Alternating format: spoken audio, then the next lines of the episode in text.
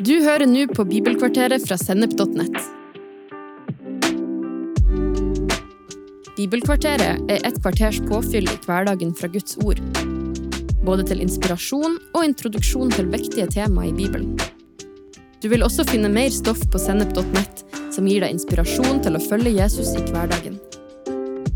Følg oss på Facebook og Instagram, og abonner på våre podkaster i den podkastappen som du bruker. Vi har kommet til den mest fremmede og mystiske av alle de kristne høytidene, nemlig Kristi himmelfartsdag, den dagen da Jesus stakk av. Eller var det sånn? Og burde ikke denne helligdagen egentlig hatt et annet navn? Himmelspretten, som vi kaller det, den eh, faller jo alltid på en torsdag. og Det betyr inneklemt dag på en fredag og ei etterlengta langhelg for travle nordmenn. Og sjøl dem av oss som tror på Bibelen, forstår egentlig ganske lite av denne høytidsdagen. For de fleste av oss er himmelfarten et mysterium, hvis vi tenker etter. Korsfestelsen og den tomme grava er for så vidt velkjent stoff i kristne miljøer, mens dette forsvinningsnummeret forbigås stort sett i stillhet. Assosiasjonene går til 'Elvis has just left the building', eller noe i den dur. Men dem av oss som tror på evangeliet, bør ha interesse av å forstå denne hendelsen bedre. For hør godt etter nå. Denne hendelsen henger sammen med korset og den tomme grava, og den er full av referanser til Det gamle testamentet. Og den er en hendelse som fremdeles foregår. Og til sist, den peker framover mot en ny og større begynnelse. Troa på en kroppslig oppstandelse står svakt blant eh, dagens kristne. I en undersøkelse blant amerikanske kristne i 2006 svarte kun 36% at de trodde på det her.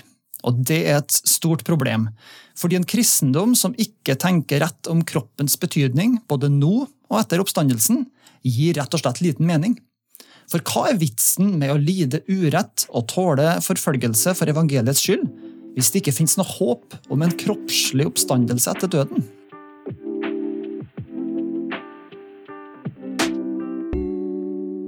Himmelfarten er beskrevet i begge de to bøkene i Bibelen som Lukas skrev, samt nevnt kortfatta i Markusevangeliet. I Lukas kapittel 24 vers 50-52 så står det sånn. Så førte han dem ut mot Betania, og han, altså Jesus, løftet hendene og velsignet dem.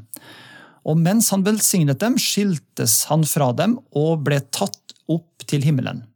De falt på kne og tilba ham, så vendte de tilbake til Jerusalem i stor glede. Og Vi leser videre i Apostlenes gjerninger kapittel 1 og vers 9-11. Og Vi leser videre om Jesus. Da han hadde sagt dette, ble han løftet opp mens de så på, og en sky tok ham bort foran øynene deres. Som de nå stirret mot himmelen mens han dro bort, sto med ett to menn i hvite klær foran dem og sa, Galilere, hvorfor står dere og ser mot himmelen?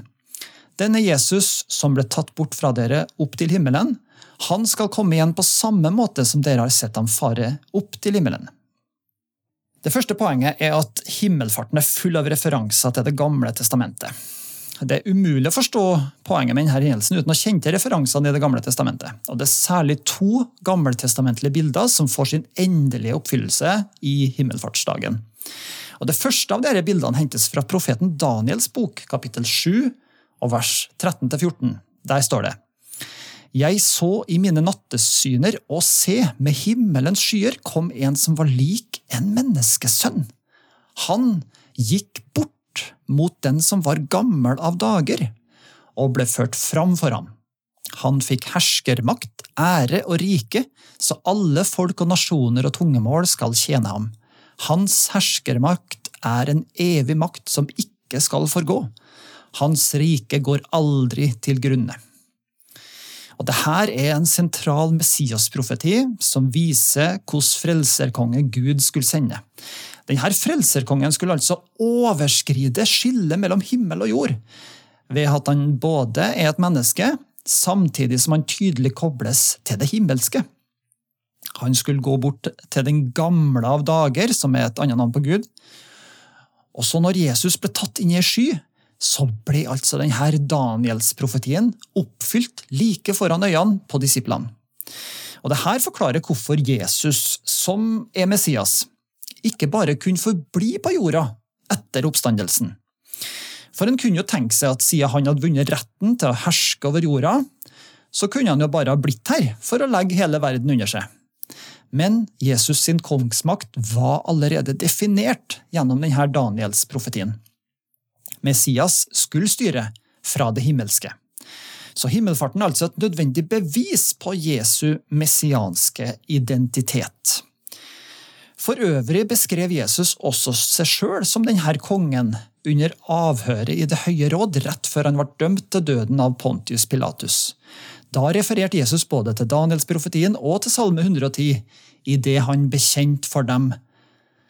Men jeg sier dere, fra nå av skal dere få se menneskesønnen sitte ved kraftens høyre hånd og komme på himmelens skyer, sa Jesus. Det er sitert i Matteus 26, 64.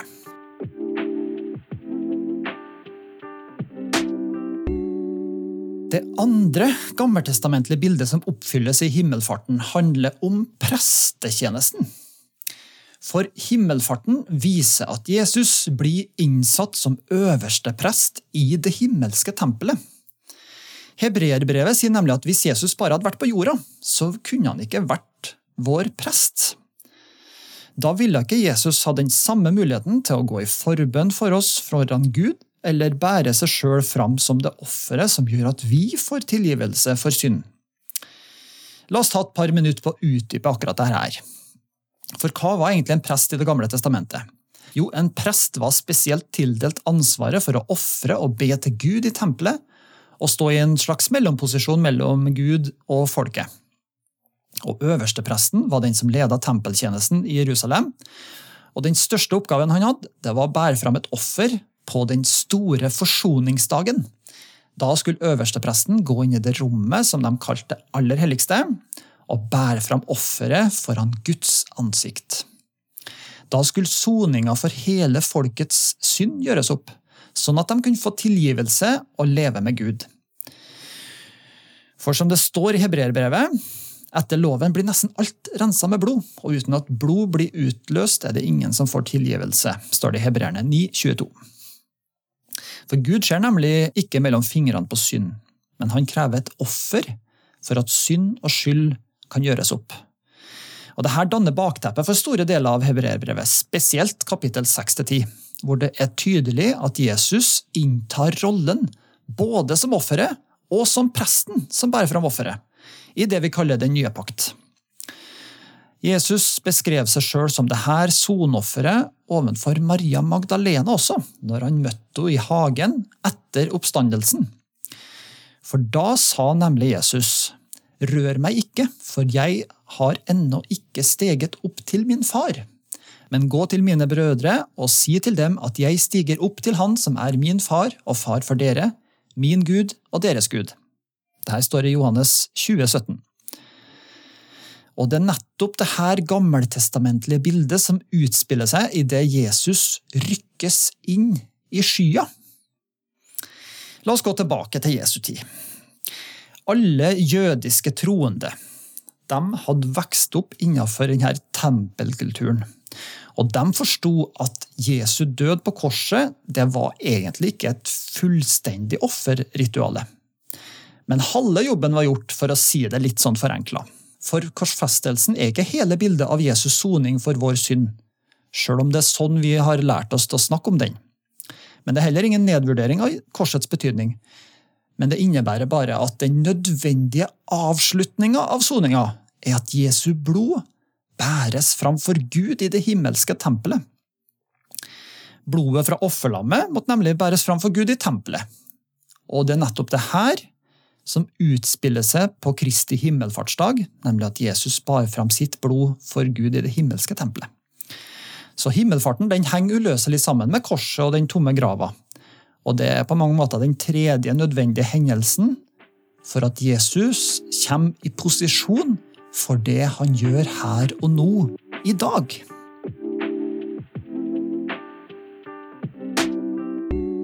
Det andre poenget i bibelkvarteret her, det er at himmelfarten er en hendelse som fremdeles foregår.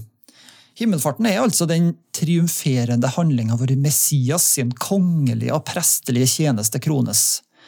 Hvor han, Jesus, som Davids etterkommer, løftes opp for å regjere, og hvor han som vår øverste prest fullfører sitt fullkomne offer for synd.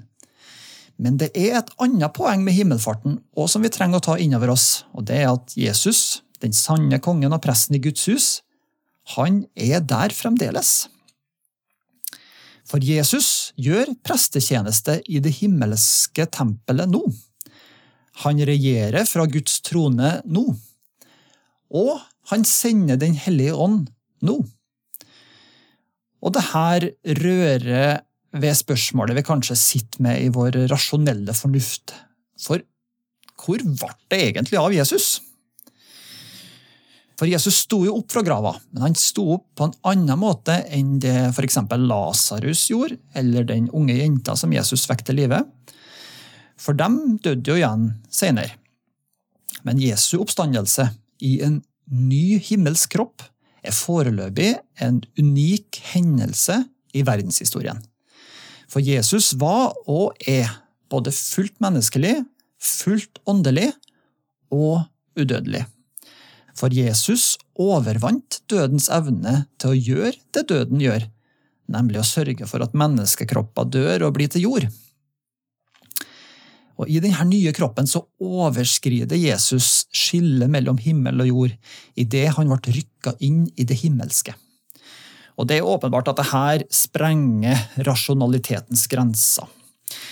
For fra et kristent ståsted så er det bare én mulighet for sånne unntakstilfeller. Og det er at naturlovenes lovgiver har bestemt det, nemlig Gud. På samme måte som kristen tro lærer oss at Gud grep inn på en spesiell måte i verdenshistorien, både i skapelsen og i inkarnasjonen i oppstandelsen, så grep Gud inn i himmelfarten. Så om det ennå ikke har gått opp for det, så lever altså Jesus her og nå i det himmelske, i en udødelig oppstandelseskropp. Og Det nye testamentet nevner flere ting som Jesus gjør nå. For det første, han er vår prest. Og Det innebærer at han fra tronen trer han fram for Guds ansikt for vår skyld. Fra tronen går han i forbønn for oss, som vår øverste prest framfor Guds trone. Og fra tronen hjelper han dem som blir frista og prøva i sin tro, og gir barmhjertighet og nåde som gir hjelp til rette tid.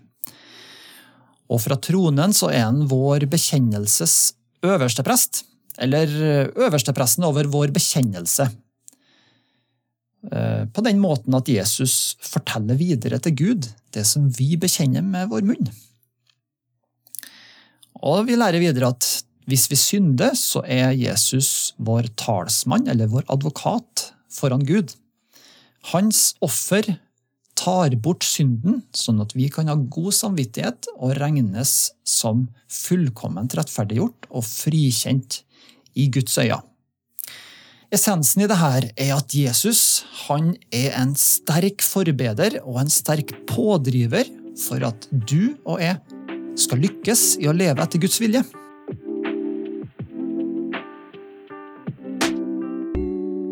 Videre så ser vi at Jesus er vår konge. Og Det betyr at hans innsettelse som fyrste og frelser gjør han i stand til å gi sitt folk omvendelse og tilgivelse for syndene. Fra tronen venter han på at hans fiender skal bli lagt som skammel for hans føtter, og engler og makter og myndigheter er han underlagt. Og han har fått det navnet, altså den myndigheten eller den autoriteten, over alle andre navn. Her var mange poenger, og mye kan sies om det her, men også det her er gode nyheter for oss. For det betyr nemlig at Jesus han er sterkere enn alle åndskrefter som vil ødelegge livene våre. Og Jesus har sørga for at om du lider under urett, maktmisbruk og overgrep, så vil sannheten og rettferdigheten alltid seire til slutt, fordi Jesus sitter på tronen. Og til sist, Jesus er den som sender Den hellige ånd, sånn at vi får kraft til å leve sånn som Gud vil. Det er verdt å ta inn over seg hvis ikke har tenkt over det før. For Jesus han sa nemlig at han måtte gå bort for å sende talsmannen til oss, altså Den hellige ånd, og at det var egentlig bedre for oss. Sånn at Den hellige ånd kunne vise oss hva som er både synd og rettferdighet og dom, og veilede oss til sannheten. Denne talsmannen han gjør at vi ikke blir foreldreløse barn, men at Jesus kommer til oss ved sin ånd, og han er med oss alle dager inntil verdens ende. Han er altså opphøyd, og han sender Den hellige ånd ut i verden. Alt der står med bibelhenvisninger på sennep.nett. Bibelen avtegner altså et bilde av at den levende og oppstandende Jesus er fullt aktiv med å be for oss, sånn at hans seier over makter og myndigheter kan bli virkeliggjort i våre liv. Og han er operativ ved å sende sin ånd til alle dem som påkaller hans navn rundt omkring over hele verden. Så vi forkynner altså ingen Jesus som kun tilhører fortida, men Jesus han er aktiv dag og natt foran Guds trone og ennå er ikke det siste kapitlet skrevet.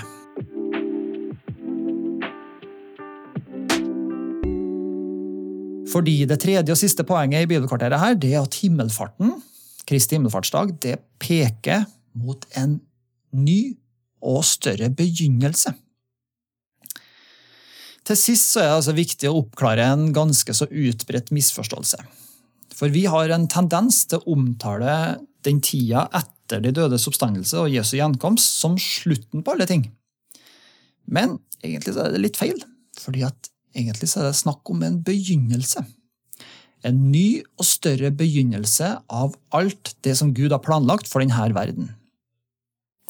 Hvis vi går tilbake til bildet av øverstepresten i det gammeltestamentlige Israel, så kom altså denne øverstepresten ut igjen til folket etter soninga for deres synder. Og på samme måte så forespeiles vi at Jesus skal komme ut igjen fra det himmelske tempelet, på samme måte som han gikk inn. Og I dette så ligger altså forventninga om at Jesus skal komme tilbake. Daniels profetien løfter fram at alle folk og nasjoner skal tjene Jesus, og at hans rike aldri skal gå til grunne. Og når Kristus åpenbarer seg, så skal vi bli åpenbart i herlighet sammen med han. I Jesu navn skal derfor hvert kne bøye seg, i himmelen, på jorda og under jorda, og hver tunge skal bekjenne at Jesus Kristus er Herre, til Gud Faders ære. Det står i Filipperne 2, 10-11. Jeg innleda episoden med å si at kanskje Kristi himmelfartsdag burde hatt et annet navn. Så kanskje Kristi kroningsdag ville vært et bedre navn. Du har nå hørt en episode fra Bibelkvarteret på sennep.nett. Du vil også finne mer stoff på sennep.nett som gir deg inspirasjon til å følge Jesus i hverdagen. Innholdet på Sennep er gratis og tilgjengelig for alle, takket være økonomisk støtte fra kristent nettverk, menigheter og enkeltpersoner. Du kan også hjelpe oss ved å be for oss, dele innholdet vårt med venner og bekjente, rate podkastene i den podkastappen du bruker, eller ved å gi en gave på VIPS Vips nummer 54 66 68. Takk for at du lytta til sennep.nett.